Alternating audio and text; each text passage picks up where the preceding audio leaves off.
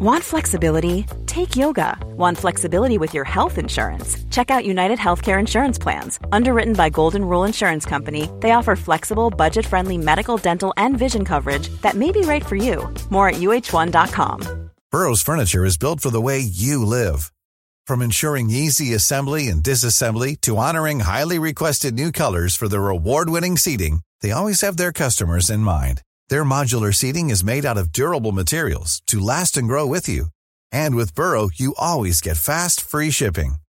Get up to 60% off during Burrow's Memorial Day sale at burrow.com slash ACAST. That's burrow.com slash ACAST. burrow.com slash ACAST. Many of us have those stubborn pounds that seem impossible to lose, no matter how good we eat or how hard we work out. My solution is PlushCare. PlushCare is a leading telehealth provider with doctors who are there for you day and night to partner with you in your weight loss journey. They can prescribe FDA-approved weight loss medications like Wagovi and Zepbound for those who qualify. Plus, they accept most insurance plans. To get started, visit plushcare.com slash weight loss. That's plushcare.com slash weight loss. Hva kan fortid oss om kirka framtid? Det er spørsmålet vi stiller i dag i Tore og Tarjei, en podkast fra dagen.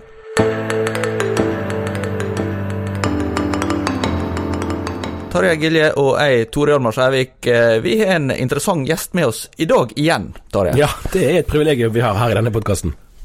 Ja, eh, og dette her eh, er jo en person i Kristen-Norge som har både en personlig og profesjonell bakgrunn, som, som gjør at han har mye vi har lyst til å spørre om. Og Derfor er vi veldig glad Vidar Hånes, for at du ville være med som gjest. Du er rektor på det som nå heter MF vitenskapelig høgskole. Eh, men som eh, i mange år jo heter Menighetsfakultetet. Kan du si litt om eh, hvordan starten på semesteret har vært i år? Starten har vært veldig god, tatt i betraktning at den har vært så spesiell. Men vi har ikke hatt noe smitteutbrudd her, og stort sett så har vi undervisning som vanlig, bare at de store studentgruppene de må ta det digitalt. For vi kan jo bare ha ca. en fjerdedel så mange studenter i auditoriene. Men det er en god start. Nå eh, tilbyr jo MF etter hvert mange forskjellige typer utdannelser, men eh, det var jo starta som en presteskole i sin tid. Hvor mange prester utdanner dere et vanlig år nå? Et vanlig år mellom 25 og 30 prester. Hvordan er det sammenlignet med når du sjøl var student? Det er, jeg var student i en overgangsperiode, så jeg begynte i 1980. og Da var det store kull, og det gikk ut 100-150. Eh, Men allerede i 1986, da jeg gikk på praktikum, så var vi bare 13 på vårt kull.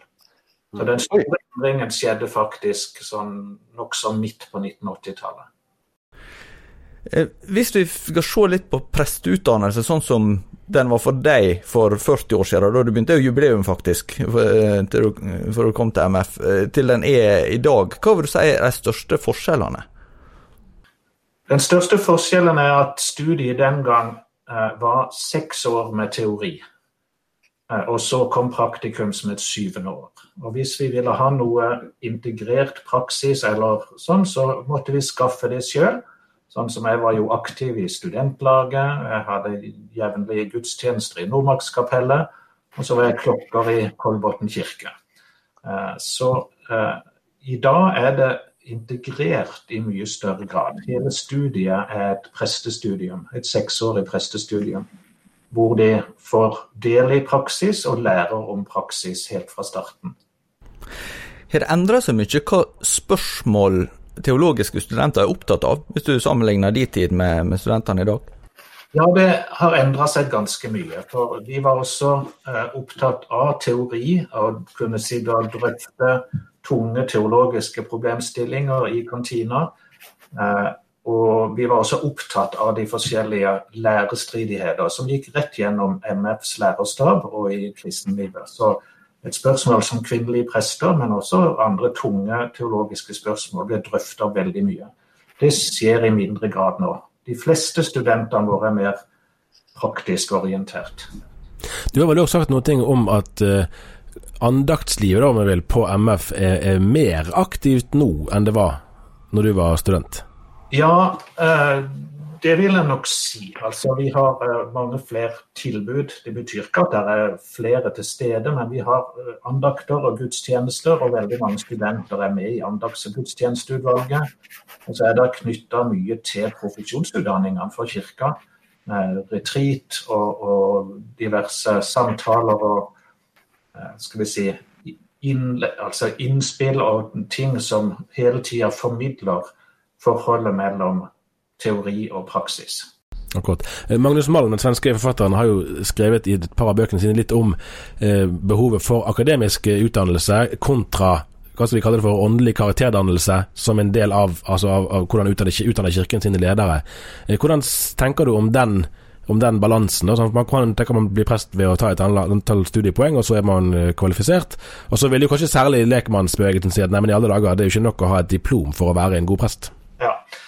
Nei, det, det, er en interessant utvikling. For saken er jo at de første 50-60-70 år så var de fleste teologistudenter på MF eh, plassert i ja, eller i en kristen organisasjon. Sånn at de levde opp i denne praksisen i mye større grad enn de gjør nå, de vi får som studenter.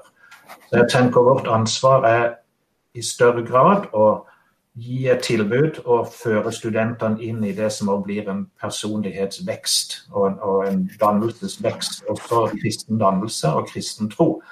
Uh, det er en viktig del av profesjonsutdanninger generelt. Uh, så jeg tenker vi ville ikke gjort vår jobb som presteutdanner eller utdanning av diakoner og kateketer hvis ikke vi hadde tilbudt dette i større grad. Du er jo professor i kirkehistorie og tok vel doktorgrad på nettopp presteutdannelse, stemmer ikke det? Eh, seint på 1800-tallet. Eh, så lurer jeg på Ikke doktorgraden, men presteutdannelsen, nei. Ja, her gjelder det å ha begrepene på plass. Eh, hva, hva, tenker du det er uttrykk for når eh, interesse eller oppmerksomheten til studentene dreier seg vekk fra det som du beskriver som litt sånn tyngre dogmatiske debatter, og over på det mer praktisk-teologiske? Jeg tror det henger sammen med samfunnsutviklingen generelt, ved at vi nå har en helt annen bredde i samfunnet. Vi møter enkeltmennesker, medstudenter, naboer som har en helt annen bakgrunn. Og vi er nesten nødt til å få en form for toleranse mot andres meninger. Eh, og da er vi mer opptatt av å vise hvordan vi som kristne lever, og hvordan vi er kirke, og ikke nødvendigvis eh, så mye diskutere mer spissfindige teologiske spørsmål. Du har sjøl en eh, bakgrunn fra eh, ja, sånn som du nevner, lagsbevegelsen. Og uh, du hadde jo en far som var veldig engasjert i Lausanne-bevegelsen, som mange dagenlesere vil kjenne til. Som er jo en global uh, misjonsbevegelse, som mange norske misjonsorganisasjoner også har, har knyttet seg til. Da. Kan du si noe om, om hvordan den bakgrunnen har preget din interesse for, for, teologi, og for, for, for hva ja, kirkelig utdannelse skal være? Ja, jeg har jo en eh, veldig spesiell bakgrunn ved at eh, ulike deler av min familie hadde valgt og fikk påvirkning fra ulike bevegelser. Min farfar var jo formann i Misjonssambandet i 16 år i landsstyret. Og min eh, bestemor da var jo egentlig blitt baptist da hun som datter av Martin Mosvold vokste opp de første årene i Chicago. Eh, hun tok utdanningen sin på Wheaton College, hvor Billy Graham også gikk. Eh, og så valgte ulike familiemedlemmer helt forskjellige sammenhenger, fra Misjonsforbundet til Misjonssambandet. Min far valgte etter hvert laget og Santalmisjonen, og så vokste jeg egentlig opp, i hvert fall hver søndag, og sitte på kirkebenken i Oddernes kirke.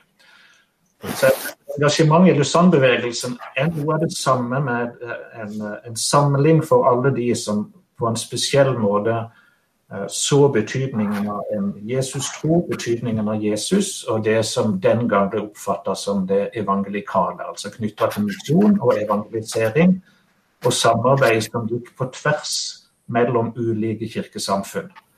Mens det i perioden rett før, f.eks. På, på MF på 1960-tallet, var jo en veldig tung luthersk konfesjonell eh, holdning. Ja, for det var ikke noe begeistring for Lausanne-bevegelsen, i, i, hva jeg si, iallfall blant alle i kollegiet på den tida? Eh, ikke alle, for det har vært litt eh, tvisyn på dette gjennom hele historien, som starta egentlig i eh, litt ulike syn mellom Olav G. Myklebust, professor i misiologi, og Carl Fredrik Wisløff.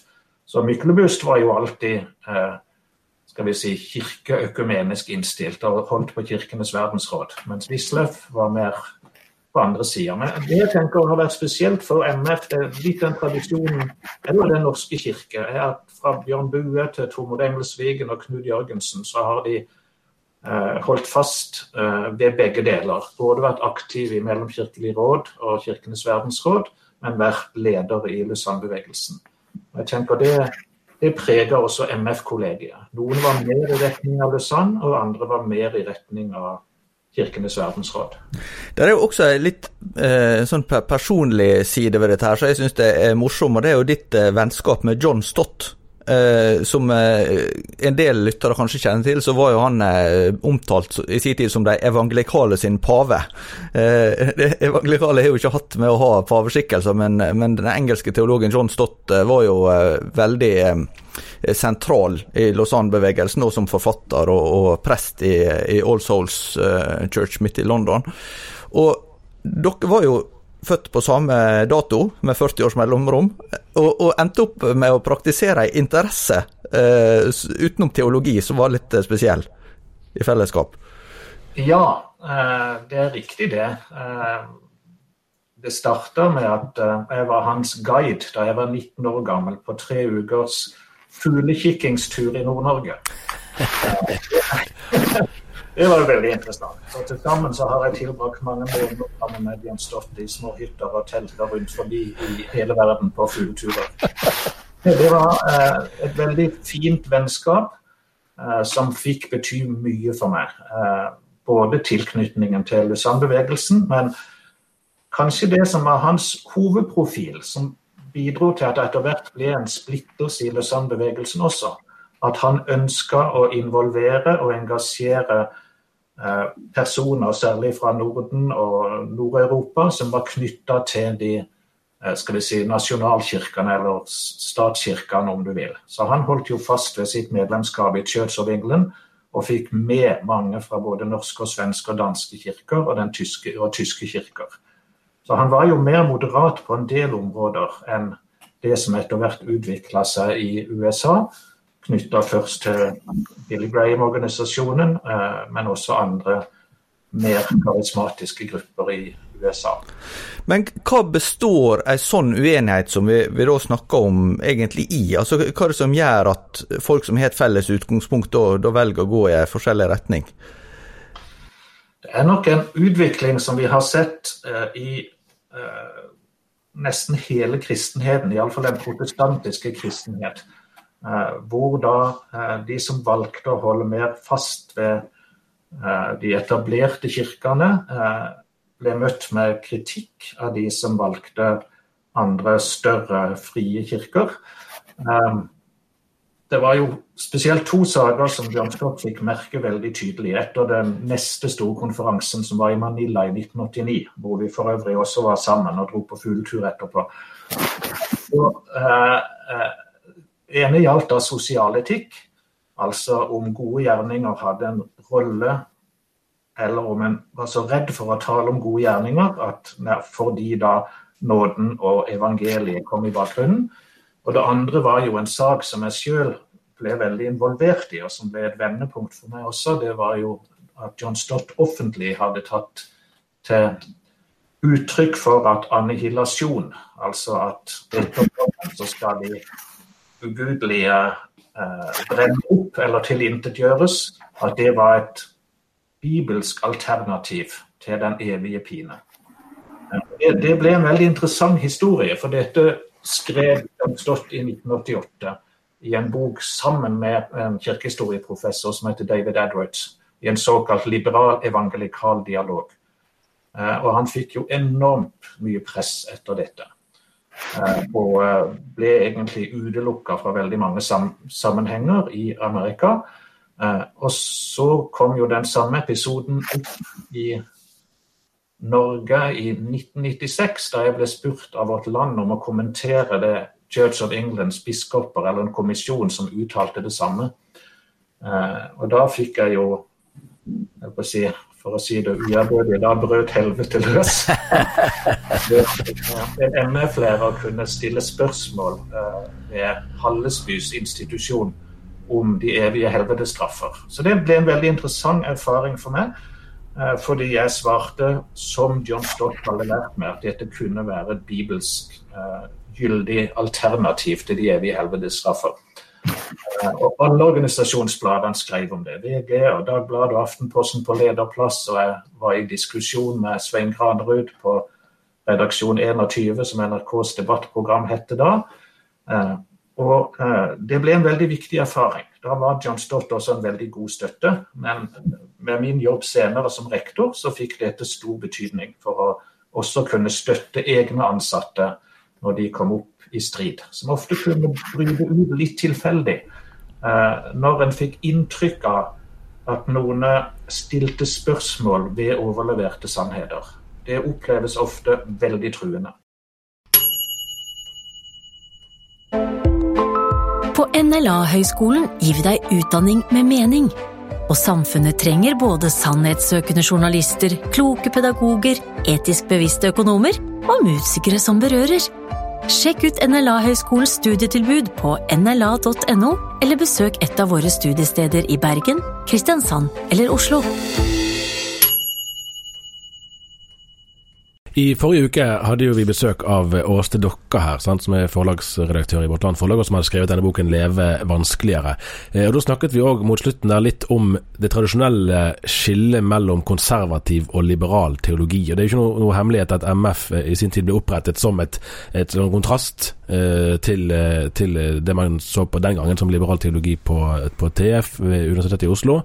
Men så påpekte Åste, med rette vil jeg si da, at, at uenighetspunktene er forskjellige nå fra de var da. Den gangen var man uenige gjerne mer om, eh, om sentrale kristne dogmer. Eh, I dag er eh, stridsspørsmålene andre. og det lurer jeg på hvordan du som kirkehistoriker, for så vidt òg med den rektorposisjonen du nå har hatt i ganske mange år, hvor henne opplever du i dag at striden står? Gir det mening å snakke om konservative og liberale i tilfelle? Hva betyr det? For det betyr jo ikke det samme nå som i 1910 og 12 og 15. Hvor henne er liksom kjernepunktene i dag?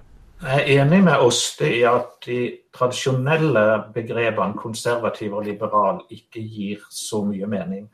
Men det, eh, det, er også helt riktig at de to punkter som eh, den liberale professor Johannes Ording lærte, og som førte til opprettelsen av MF, det ene var knytta til kristologi. At han ikke mente at Jesus i den forstand var Gud, men han var vårt uh, store forbilde, og den som mest av alle hadde virkeliggjort Guds vilje med oss på jord. Og det andre var hans reformerte sakramentsoppfatning. Uh, senere vil det bli oppfatta litt spesielt, særlig fordi en ble mer og mer økumeniske og samarbeidet med reformerte. Men det første spørsmålet tenker jeg har overlevd uh, gjennom hele kirkas historie. Fra de første debatter som vi nesten kan lese om i Det nye testamentet, og gjennom hele oldkirka og fram til i dag. Så jeg tenker egentlig det viktigste spørsmålet, det som eh, skiller, er hvordan vi forholder oss til Jesus Kristus.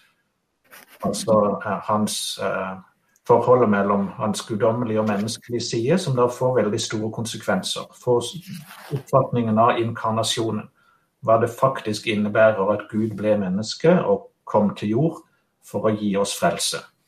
Så eh, jeg har litt problemer med at skillelinjene så ofte har gått på ulike nyanser i skriftsyn, mm. eh, og som konsekvens av det også ofte ulike syn i samlivsetiske spørsmål. Ja, for Det er ingen tvil om, om, at, om at, det er samlivsetikk som har eh, måtte fått mest oppmerksomhet i, i uh, avisene, i hvert fall her i avisen, da, i denne avisens debattspalte. Det er jo ganske opplagt. Og det er jo internasjonalt. Altså, ja, jeg ser det som hvis enten en leser europeisk eller amerikansk, eller for den del i økende grad også kanskje det globale sør. Men det er jo ikke det samme som at det automatisk er egentlig det som er altså stridens eh, teologiske kjerne. Da. Derfor syns jeg det er interessant. Vi er jo ennå i, i uh, jubileumsåret for dette berømte Karl Meyer-gatemøtet, som vel færre og færre i dag egentlig har noe aktivt forhold til, men som var en sånn merkestein, og som mye teologisk debatt har hatt som referanse i mange år etterpå. I dag spørs det hvor relevant det der er. Ja, jeg vil bare skyte inn for de uinnvidde at det var et uh, stormøte i Oslo i 1920 der uh, over, var over 4000 som var samla. Uh, og som konkluderte med at en ville ikke ha frivillig samarbeid med liberale teologer. Nei, Det er riktig, og det ble jo ganske avgjørende. så Det er også interessant, for det var på det møtet Ole Hallesby som MF-professor sto fram og ble kristenfolkets leder. Uh, og Dermed ble de spørsmål som ble tatt opp der, ganske sentrale for, for MF. Mens um, en, en, begrunnelse for at samlivsetiske spørsmål kan være viktig, som også henger sammen med synet på Jesus, det er jo hvorvidt en mener at Bibelen Eh, har eh, autoritet eller relevans i aktuelle spørsmål i dag. Det vil de aller fleste si det, men det er jo egentlig det underliggende skriftsyn som gjør at det blir så mye debatt. Eh, og der har jo et mer vi kan vel godt si fundamentalistisk skriftsyn fått prege deler av Kristen-Norge i mye større grad siden midten av 1970-tallet enn det som er tilfellet før 1970. Hvor en også i de frivillige kristne organisasjonene, eh, som i kirka og på MF, hadde tydeligere lutherskriftsyn, som ikke var si, knytta til det bokstavtro i den forstand, men mer hva, hva, Bibelen forteller oss om. Altså at Bibelen er Guds ord til oss fordi det lærer oss om Jesus som Guds ord. Så, så jeg tror den utviklingen i oppfatningen av skriftsynet har skapt den egentlige splittelsen. Nå vil jo en del, ikke minst uh, i, i misjonsbevegelsene, oppleve at akademisk teologi, selv om det, det, kan være endring, sånn som du beskriver nå, så er den blitt mer og mer sånn på, måte på kollisjonskurs med det en oppfatter som alminnelig tradisjonell kristne overbevisninger, og at en på en måte dekonstruerer og dekonstruerer, og så er det til slutt nesten ingenting igjen. Hva eh, du tenker en sånn utfordring? Ja, jeg tenker det er Det er egentlig ikke riktig, men det er samtidig mye sant i det. Eh, teologi eh, som fagdisiplin er jo veldig viktig. Og det er også akademiske teologers oppgave ofte å stille spørsmål ved etablerte sannheter og jobbe videre. Eh, og Dessuten har praksis og erfaring og følelsesliv Eh, fått en ganske sterk rolle de siste årene. Eh, det interessante er at det egentlig ikke er nytt. Det er bare det at den tidligere erfaringsteologien, som også Ole Hallesby var en viktig eksponent for, den tok utgangspunkt i et mye mer enhetlig kristent samfunn, hvor f.eks.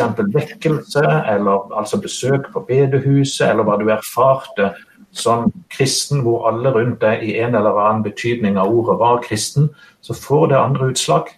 Nå må både fagteologien og våre studenter forholde seg til en hel rekke ulike syn og oppfatninger og erfaringer, og prøve å finne, finne en vei og gi gode svar, og også forskningsbaserte svar i, i slike spørsmål.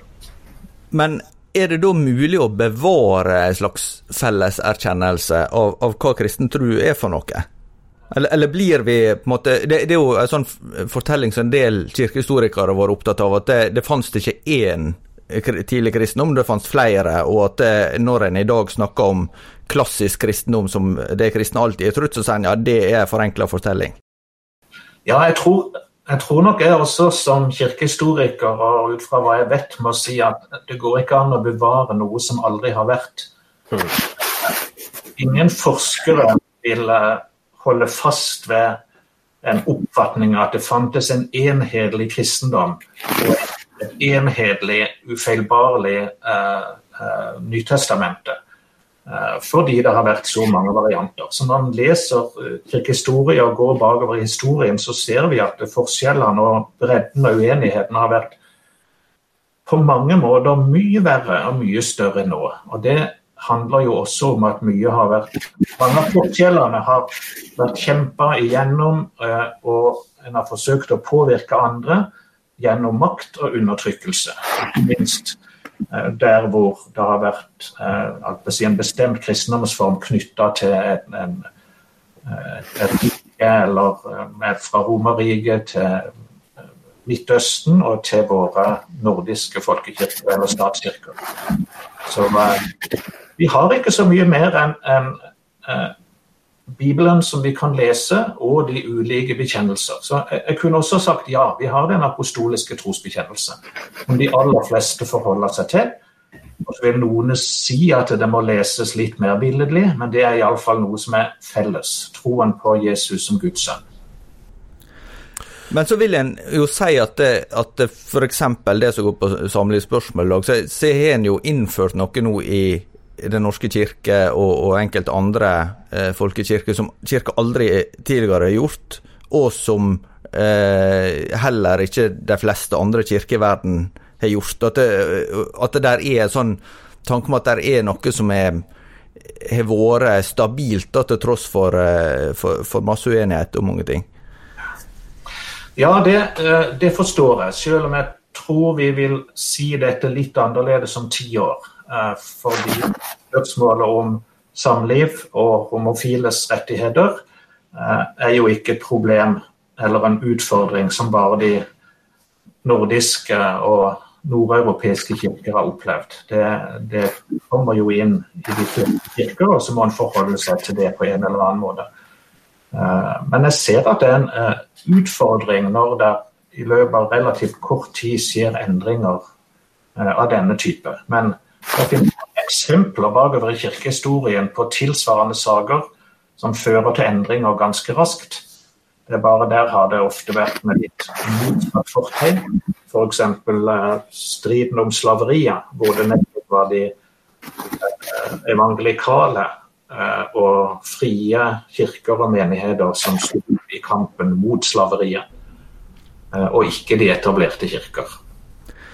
Hva, hva, tenker du om fram, altså når vi snakker om framtida? Det, eh, det, det, er jo lettere å være Det er vanskelig nok å være historiker, men det er enda vanskeligere å være profet.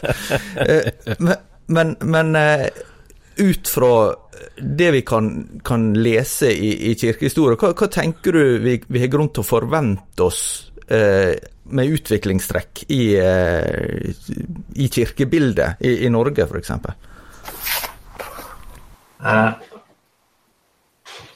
Både optimistisk og pessimistisk. Eh, jeg tror jo at de etablerte kirker og folkekirker vil møte utfordringer.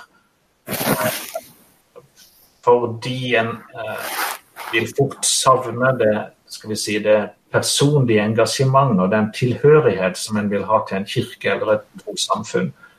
Eh, samtidig så er jeg litt urolig for eh, skal vi si, en splittelse mellom det mer folkekirkeorienterte og også deler av eh, misjonsbevegelsen og indremisjonsbevegelsen, som ser ut til å gå mer i skal vi si både karismatisk, eh, og uten at det er noe galt i seg sjøl, men de, de, fordi man er uenige i en del lærespørsmål og i samlivsetikk, så virker det som deler av Kristen-Norge, som tidligere var en viktig, sentral del av Den norske kirke, eh, danner egne forsamlinger og egne grupper, og at det blir for stor polarisering mellom disse to gruppene av, av kristne.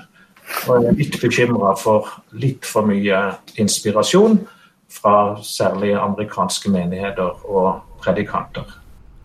For å gripe litt videre på, Det er to spor der jeg vil fylle opp. Det første er, er ordet evangelisk eller evangelikal. Jeg lurer på om vi etter hvert forstår de to synonyme. Det, det, har vel ikke alltid vært sånn, men jeg tror kanskje det er i hvert fall for de fleste. Eh, og det, for det har jo vært et viktig begrep i Lausanne-bevegelsen, som vi snakket om i sted. Sant? Det er jo et viktig begrep protestanter bruker som en kontrast eh, og, mellom seg selv og, og, og ortodokse og katolske. Eh, men så ser vi jo at i USA så snakker man jo om evangelicals, som, som f.eks. Er, er noen av Trump sine sterkeste støttespillere. Og selve begrepet får en politisk valør som vi ikke nødvendigvis kjenner kjenner igjen eh, i Norge.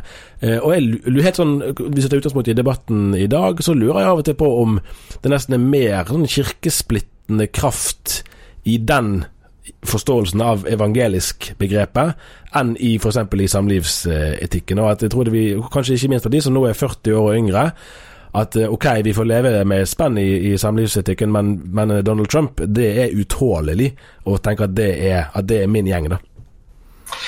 Ja, Der er jeg helt enig med deg. Det er, eh, det er en utfordring å skulle bruke ordet evangelikal. For det, eh, det er jo et ord som en begynte å bruke egentlig etter uh, Lausanne-møtet i 1974. Og det, det, har jo ikke vært et, et norsk ord tidligere. Da brukte vi evangelisk. Så det var jo et forsøk på å skille ut nettopp denne evangelikale bevegelse, som særlig kommer fra 1920-tallets Amerika og framover.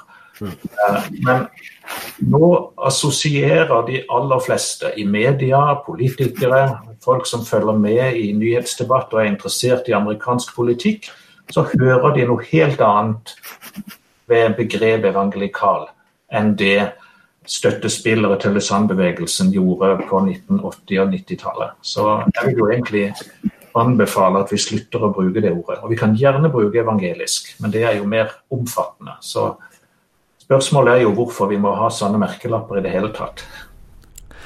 Men eh, hva tenker du er på en måte eh, eh, utfordringer som, som, den bevegelsen som du vokste opp i, du, du var jo litt inne på det, da, men, men så, det, så, du har tilknytning til med, med eh, og med misjonsorganisasjonene.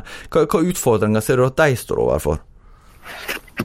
Ja, eh, som, som fagperson så tenker jeg at utfordringen med flere av de frivillige kristne organisasjonene, eh, som jo har vært så utrolig viktige i norsk historie og kirkehistorie, med eh, engasjement, ansvar for eh, fattige og syke og svake, men først og fremst å forkynne evangeliet, misjon, diakoni, skoler, sykehus.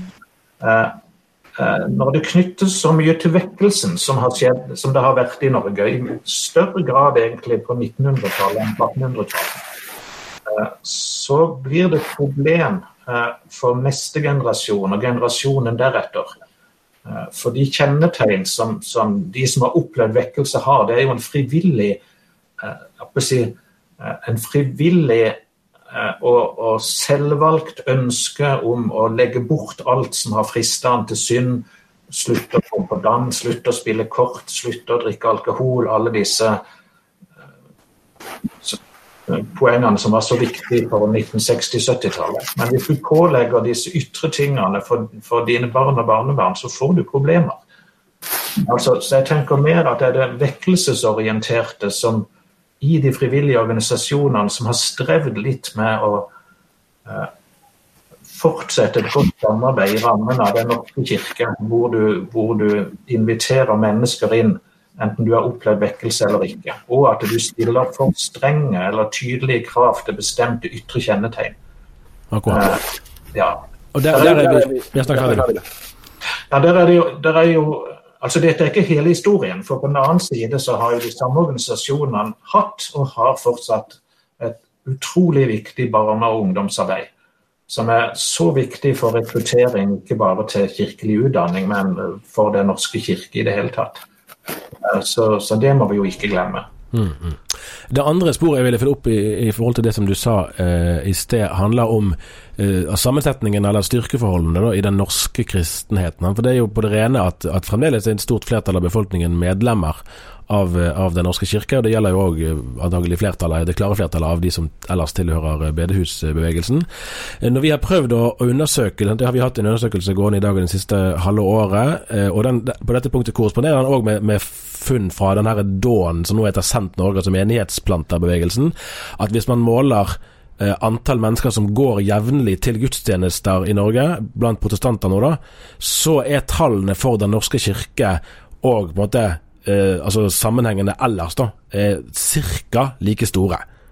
Altså Av norske protestanter som går til gudstjeneste ca. en gang i måneden, så er det omtrent like mange i norske kirker, og i andre sammenhenger. Og man kan tenke at oi, her står vi kanskje overfor et historisk skifte, der Den norske kirke mister noe av sin sterke stilling. Og Så ser vi samtidig f.eks. at, at uh, ifølge Ola Kjørom sin bok om kirkesamfunn fra 2017, vel, så er det flere norske katolikker enn det f.eks. er pinsevenner uh, i Norge. Eh, og Vi ser over den saks skyld at trossamfunnet, Indremisjonsforbundet og Misjonssambandet prøver å etablere trossamfunn, men det er jo vanskelig. Det er veldig få som egentlig ønsker å melde seg inn. Så med historikerens øyne, da, i stort, liksom, hva slags bevegelse ser vi for oss her litt frem i tid? Er det, Kommer Folkekirken til å beholde sin stilling fordi den står så sterkt og har liturgiske rammer som bedehuset og Frikirken ikke kan tilby, eller er det sånn at, at Folkekirken taper sin stilling, og det er faktisk andre aktører som, som kommer til å bli en, mer sentrale da, i fremtidens kirkebilde i Norge? Um, for å gå tilbake til vår start uh, og uh, hvorfor MF ble oppretta, så ligger jo det langt på vei i navnet Menighetsfakultetet. Og en hovedoppgave var å utdanne prester som ville samarbeide med menigheten. Og da ble det oppfatta som samarbeid med kristenfolket, altså med troens folk. Eh, og det har vært en visjon og en oppgave for MF eh, fra da og til nå. Det er også langt på vei sånn vi tenker om vår kirkelige utdanning at uh, prester skal utdannes som skal kunne samarbeide godt med troens folk og med menigheten. Uh, av ulike grunner, når, når uh, skal vi si, forholdet mellom, mellom disse gruppene blir vanskelig, og stadig flere organisasjoner etablerer seg med egne forsamlinger og egne møter, så tenker jeg det er uheldig for Eh, begge parter. Men det er særlig uheldig for Den norske kirke som folkekirke hvis stadig flere av de som oppfatter at de har en personlig, mer personlig kristen tro, at de tilhører en vekkelsesbevegelse eller en indremisjon, nordmisjon eller andre, at de trekker seg bort fra folkekirka. Så det er jo en fare for at deler av folkekirka i mange menigheter blir mer et tomt skall. Eh, og en seremonikirke. Eh, så jeg hadde gjerne sett at vi hadde reetablert eller fått et bedre forhold mellom skal vi si, disse to gruppene. De som er mer folkekirke, og de som ønsker å tilhøre Den norske kirke. Om så bare det er knytta til tradisjon og gode følelser. For vi vet aldri helt hva mer som, som ligger under. Eh, så akkurat det samarbeidet det tror jeg er nødvendig hvis fortsatt kristendommen skal stå sterkt i Norge framover. I tillegg så har vi jo også uh, gjennom innvandring og veldig synlig på MF med rundt 20% internasjonale studenter, så har vi jo en rekke andre menigheter. Uh, vi har masse studenter som er med i innvandrermenigheter i Oslo, og som tilhører baptistsamfunn og katolske kirker og sånn. Så, så det er jo noe nytt. Men det vil jo bare kunne være til inspirasjon. Altså Det betyr at det er flere kristne og flere menigheter, og flere som kan samarbeide. En vanlig innvending mot uh, samarbeid med Norske kirke, og for den har du sikkert også hørt mye som rektor på MF, det er at det er ikke vi som forlater kirka, det er kirka som forlater oss. Uh, og, at, uh, og, at, en også tenker at MF skulle være ei, ei høgborg for konservativ teologi, og så opplever en at nei, nå kjenner ikke oss igjen i det som, blir formidla fra MF og sånt. Hvordan svarer du på sånne opplevelser? Jeg forsøker å svare eh, på en måte som både eh, viser respekt for og en slags gjenkjennelse i at MF har endra seg, for det har det. Eh, men å si at Den norske kirke har forlatt kristenfolket, er er jo sterkt. Men eh, vi har hatt eh, mange pågående konflikter fra kvinneprestdebatten på 1970-tallet og fram til spørsmålet om vigsel av homofilt samlevende. Eh, men å si at Den norske kirke har forlatt kristenfolket, syns jeg er for sterkt. Så jeg håper jo at eh, det fortsatt vil være grunnlag for samarbeid. Eh, og selv om jeg støtter bispemøtets eller biskopenes og kirkemøtets vedtak i spørsmålet om, om vigsel av homofilt samlevende, som nettopp skal kunne åpne opp for to ulike syn som skal kunne leve sammen, så tenker jeg likevel at Den norske kirke er det liv som leves, og det som skjer lokalt i menighetene. Så jeg tenker at mange kristne rundt forbi i for liten grad ser at det er faktisk deres lokalmenighet. Det er der troen utfolder seg. Det er der de kan samles som kristenfolk. Uh, uten at det nødvendigvis trenger å være at det eneste debatt i kirkemøtet eller ting som Dagen og Vårt Land skriver om i ulike debatter. Det er jo også en sånn underliggende fortelling, ikke minst i misjonsbevegelsene, som, som gjerne dette blir, blir, sett inn i et nesten sånn endetidsperspektiv. ikke sant, En opplevelse av det store frafallet, og, og, på en måte hvordan skal vi møte det, og, og nå eh, blir kirkene tømt i Europa, og, og hva kommer nå, og sånn. Så hvordan eh, hvordan møter du det? Er det kirkehistorisk vet vi at endetidsforventninger er nokså fylt den kristne kirke fra, fra begynnelsen av, men, men eh, hvordan svarer du folk som har en sånn opplevelse? Jeg regner med du har hørt det, du også? Ja, la meg si at Nå var det også deler av det du sa som var litt vanskelig. Det er veldig mye gjenlyd. Men snakker du jeg kan prøve på nytt. Eh, nei, jeg tenker at en, en, del vil jo oppleve at, at eh, nå blir Europa så avkristna, eh, og også at eh, en, en, leser det i lys av kristen endetidsforventning, at nå, nå går det gale, på en måte jeg har stor forståelse for de som eh, ser og opplever at eh, Europa, som en har oppfatta som det kristne kontinent, eh, er i stor endring. Eh, som kirkehistoriker så er jo det litt rart, for det Europa er jo ganske nytt som kristen kontinent sammenlignet med Midtøsten og Nord-Afrika og deler av Asia. Eh, og kirker har kommet, og kirker har gått. Eh, og som vi pleier å si, at lysestaken flytter seg. Eh, frykten kan jeg forstå, eh, men eh,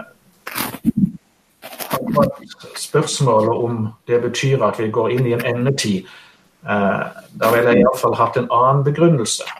For fortsatt så det, står kristendommen sterkt i Europa, selv om den offisielle kristendomsoppfatning, og selv om statskirker og nasjonalkirker har store problemer, så betyr det ikke at ikke det fortsatt er veldig mange kristne i Europa. Og så har du samtidig veksten eh, i kristne menigheter og blant kristne i andre deler av verden. Som jo skaper andre utfordringer igjen, fordi de møter det mer sekulariserte Vesten med helt andre holdninger til, til kristen tro, karismatikk, helbredelser, nådegaver osv. Men det er iallfall sånn at det er litt rart om det skulle bli endetid i Europa, men ikke i Afrika. det har du rett i. det har du rett i.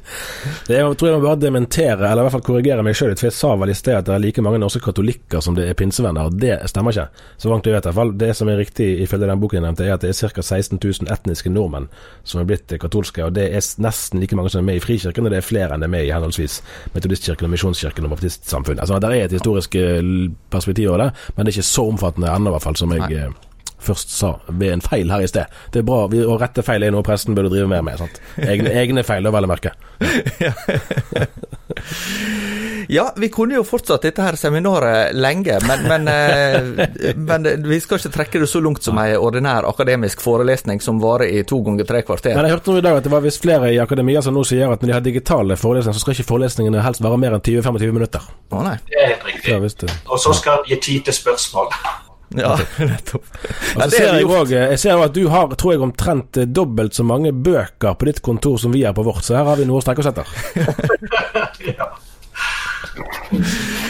ja, tusen takk skal du ha, Vidar Hånes, for at du var med oss i eh, Tore og Tarjei i dag. Eh, jeg har sagt det før, jeg sier det igjen. Har du eh, tilbakemelding, må du gjerne ta kontakt med oss. Vi tar mot både ris og ros.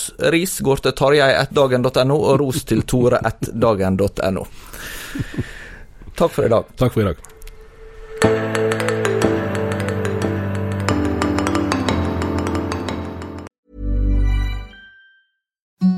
Imagine the softest sheets you've ever felt. Now imagine them getting even softer over time. That's what you'll feel with Bowl and Branch's organic cotton sheets. In a recent customer survey, 96% replied that Bowl and Branch sheets get softer with every wash. Start getting your best night's sleep in these sheets that get softer and softer for years to come. Try their sheets with a 30-night guarantee. Plus, get 15% off your first order at bowlandbranch.com. Code BUTTERY. Exclusions apply. See site for details. Hi, I'm Daniel, founder of Pretty Litter. Did you know cats tend to hide symptoms of sickness and pain? I learned this the hard way after losing my cat, Gingy. So I created Pretty Litter, a health monitoring litter that helps detect early signs of illness by changing colors, saving you money and potentially your cat's life. Pretty Litter is veterinarian developed, and it's the easiest way to keep tabs on your fur baby's health right at home. Go to prettylitter.com and use code ACAST for 20% off your first order and a free cat toy. Terms and conditions apply. See site for details.